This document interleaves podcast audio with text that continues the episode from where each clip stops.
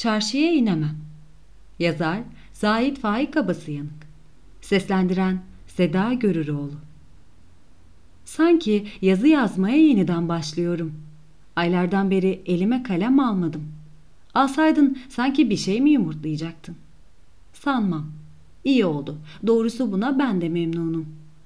Ama bu akşam neden beni her şey oturup bir şeyler karalamaya zorluyor? Hani biraz daha dişimi sıksam yalan da söyleyebileceğim. Beni bilmediğim bir şey zorladı diyeceğim. Değil. Hep böyle olur. Bir vapur beklerken iki ayağım bir pabuçtayken yazı yazarım. Sanki birisi sormuş nasıl yazarsınız diye de konuşuyormuşum gibi hal aldığımı aldırmayın. Nasıl yazı yazarım onu incelemiyorum. Şu akşamımı didikliyorum. Şu sam bakkal kağıdına karşı sıkıntıdan oturduğumu itiraf etmeliyim.'' Sıkıntının cinsi ne olursa olsun onu geçirmenin başka çareleri varken bu sıkıntıdan daha sıkıntılı işe neden giriştiğimi bulmaya çalışıyorum. Öyle ya. Neden? Pekala okunacak kitaplarım var. Param yoksa bile evim var. Sobam var. Yemeğim var. Aşağıda radyo var. Çarşıya inemem. İnemem ama dağlarda da gezinemez değilim ha. Geçiririm şapkamı kafama. Ver elini kalpazankaya.'' Güneş batmak üzeredir. Aman dikkat! Güneş batmak üzere dirin arkasından dünyanın tasviri gelir. Hiç niyetim yok dalgaları boyamaya. Ufku bir dilim ekmek gibi kızartmaya. Bak, yine yapacağımızı yaptık işte. Dalgaları boyadık. Ufku mis gibi kızarttık. Biz böyleyiz. Kötü edebiyat terbiyesi aldık. Ne yapalım? Hemen şairleşmeye başlarız. Çarşıya inemem demiştim. Neden inemem? İşte meselenin can alıcı yanı burada ya. Şu 3-5 satırlık yazı süresince açıklamak istemediğim acayip bir sır vardı. Bunun anahtarı çarşıya inemem cümlesindeydi. Size bu düğümü ne kadar çözmek istediğimi bilemezsiniz. Ama elimde değil. Yo elimde. Elimde olmasını ama yazamam. Yazarsam gülünç mü olurum? Gülünç olmak da neymiş? İnsanoğlu gülünç olmak için doğmamışsa gülünç etmek için doğmuştur. İkisi bir kapıya çıkar. İkisi bir kapıya çıkmaz. Değiş tokuş edilecek şey bile değil. Ama ben ederim. Ben birini gülünç etmekten hiç hoşlanmam. Gülünç olmaktan hoşlanır mıyım? Öyle şey mi olur? Elbette istemem gülünç olmak. Öyleyse neden değiş tokuş edersin be adam? İnsanlığımı daha iyi tadabilmek için dersem belki de bir takım hastalıklar konduramazsınız.'' Kondurursanız bütün insancıl, bütün hayvancıl kusurlara eyvallah. Şimdi ben size desem ki ben deniz orta hallice bir memurum.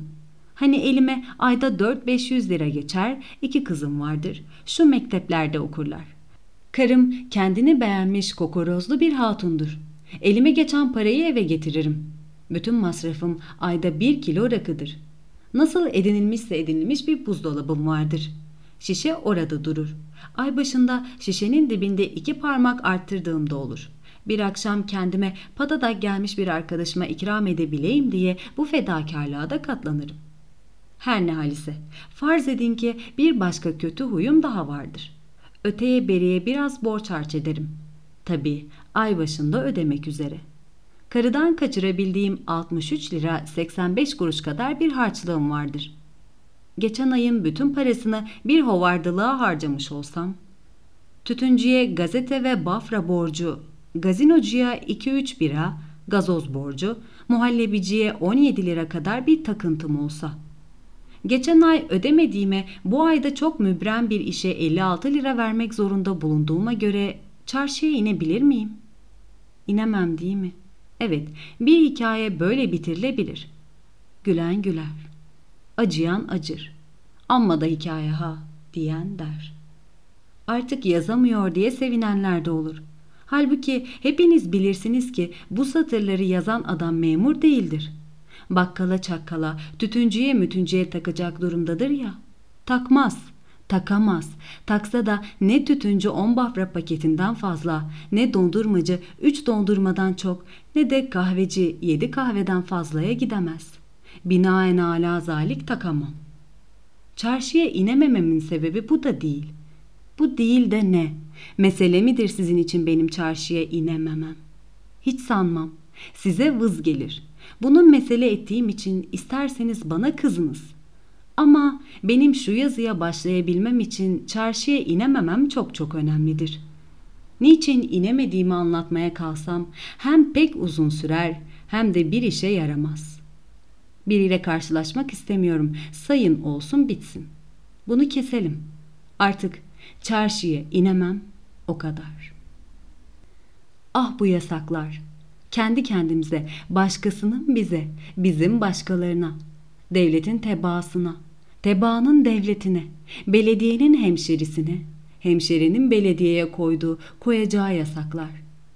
Yasaklarla çevrili bir dünyada yaşamasak yasaksız yaşayamazdık. Halbuki hayvanlar hele ehlileri yasaksız ne de güzel yaşıyorlar. Hafif cilve gibi o da boğaz derdinden doğan zırıltılardan başka gel keyfim gel yaşamıyorlar mı? Yasakları kabul ettik. İnsanoğlu için yasaklı hayvandır da diyebiliriz. Mikroplar bile birer yasak değil mi? Aşklar yasaktır. Gün olur, sular, yemişler bile yasaktır.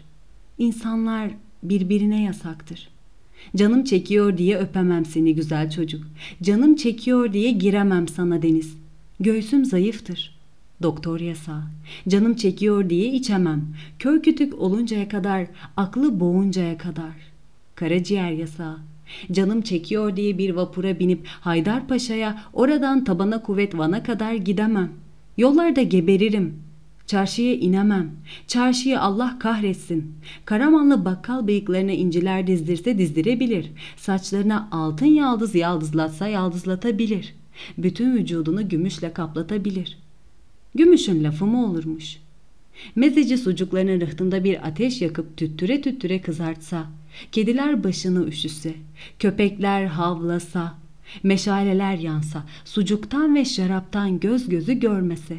Kırk gün, kırk gece bizim İstanbul Sayfiye köyü kedileri, köpekleri, sucukları, balıkçıları ve Kürt hamalları ile düğün bayram etse mezecinin dükkanı ancak boşalır. 41. gün adam gidip yine sucuk, salam, sosis, kaşar peyniri ve şarap alsa 40 gün geçmeden yine zengin olur.'' Yine böyle yağlı, kara bıyıkları çemenli, dişleri ve teri sarımsaklı, göbeği peynirli, önlüğü leş gibi, bilekleri ayağın bileği kalınlığında çarşıda dolaşabilir. O fırıncı yok mu o? O sabahları kırbaç gibi işçi çocuklara pis yağlı böreğini 35 kuruşa okutan, olur da fazla veririm korkusundan kimselere para bozmayan fırıncı.'' O sıra sıra kiralık evler yaptıran, keçilerine köyün ne kadar körpe dalı varsa yediren fırıncı. O kıyma makinesinden geçen her yarım kilo ete öğürtücü, öldürücü iç yağları karıştıran, o elli adımdan geldiği kokan, sandalyesinde akşama kadar oturup iç yağları, keçileri, mandaları düşünen kasap efendi.'' Bunların suratını görmemek için çarşıya inmediğimi söylemiş gibi oluyorum. Hayır değil, değil. Şimdi çarşıya insan bakkala, vay barba Niko. Kasaba, vay usta haralambo.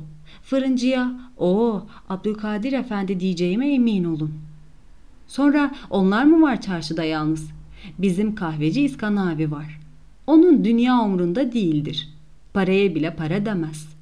Parasız olduğu zaman az buçuk düşüncelidir.'' O da herkes gibi. Olduğu zaman basar kahkahayı. Onun için bir yüzlükle bir onluk arasında büyük fark yoktur. Fazlasını istemez. Şeker gibi adamdır. Harplerin birinde harp boyunca bir tavan arasında saklanmıştır. Mütarekeden sonra meydana çıkmış. Tavan arasında geçen günlerini hikaye etmiştir.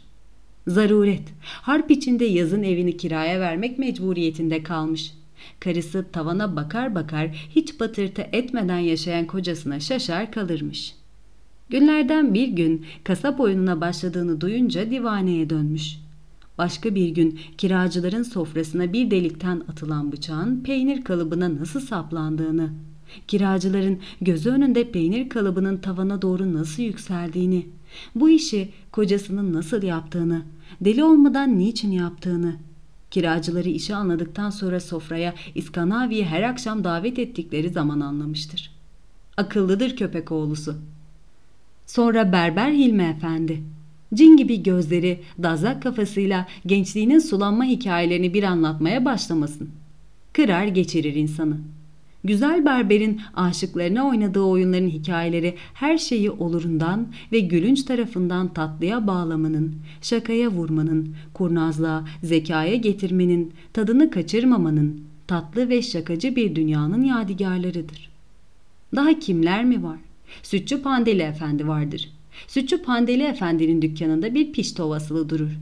Dükkana akşam altıdan sonra girenler hep cemiyet üyeleridir.'' Bu cemiyet bir patlatma cemiyetidir. Her nevi patlatmaya izin vardır. Hatta biraz çirkin kaçacak ama cemiyet azası kapıdan girer girmez ağzıyla olmasa başka bir yanıyla patlatmazsa bu ağır, ihtiyar, gün görmüş ve geçirmiş sebzecilerin, aşçıların, bahçıvanların konuşmasına pek yarım katılabilir. Patlatırsa Pandili Efendi baş köşeyi yeni gelen üyeye verir. Hiç kimse gülmez. Herkes yalnız gözleriyle patlatmanın şiddetine göre kahkaha atar. Bu gözlerdeki gülme yavaş yavaş söner. Günün havadislerine geçilir. Günün havadisleri parayı kazanıp da yemeyenlerin enayiliği üzerinedir. Sonunda bu gibilerin gözlerini doyuracak şeyin toprak olduğu hikmetiyle toplantıya son verilir. Neden inmeyecekmişim çarşıya?'' Cemiyette azayım. Berberde bir tıraşa dünyanın hikayesini dinlerim. Gülmekten kasıklarım çatlar. Giderim İskanavi'nin kahvesine olmazsa. Peki İskanavi efendi derim. İhtiyar kadın peynir kalıbının tavana doğru yükseldiğini görünce ne yaptı?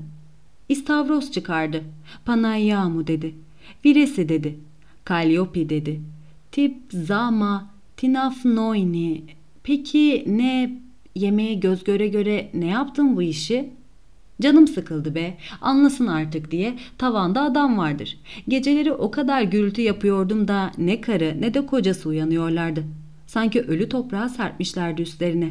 Bazı uyanırlarsa bizim karıya viresi diyorlardı. Kalyopi, insan kadar sıçanlar mı var tavanda? Başka bir yerde de söylerler. İş büsbütün zıvanadan çıkar diye korktum.'' Tavandakinin pondika olmadığını anlatmak için bu çareyi buldum. Evet, bana çarşı haram oldu.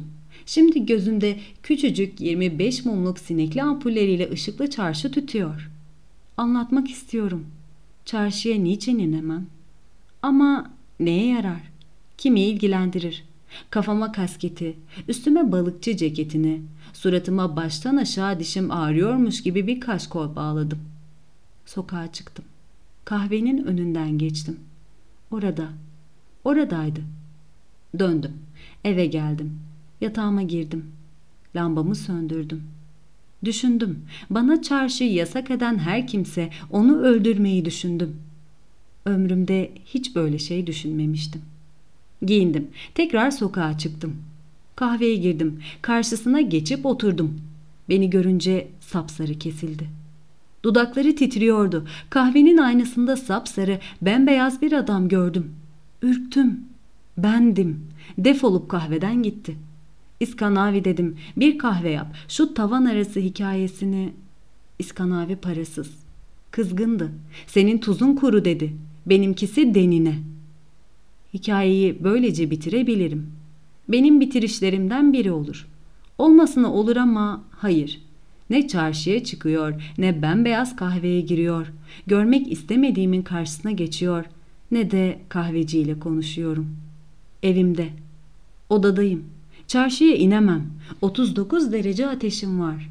Üşüyor, titriyorum. Bir ara yanıyorum. Anam sirke koyuyor. Okuma artık. Yat diyor.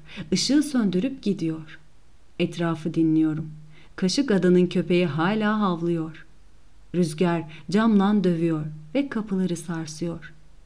Işığı yakıyorum. Bu da bir bitiriş şekli ama bu da değil. Değil, bu da değil. Çarşıya inemem. O kadar.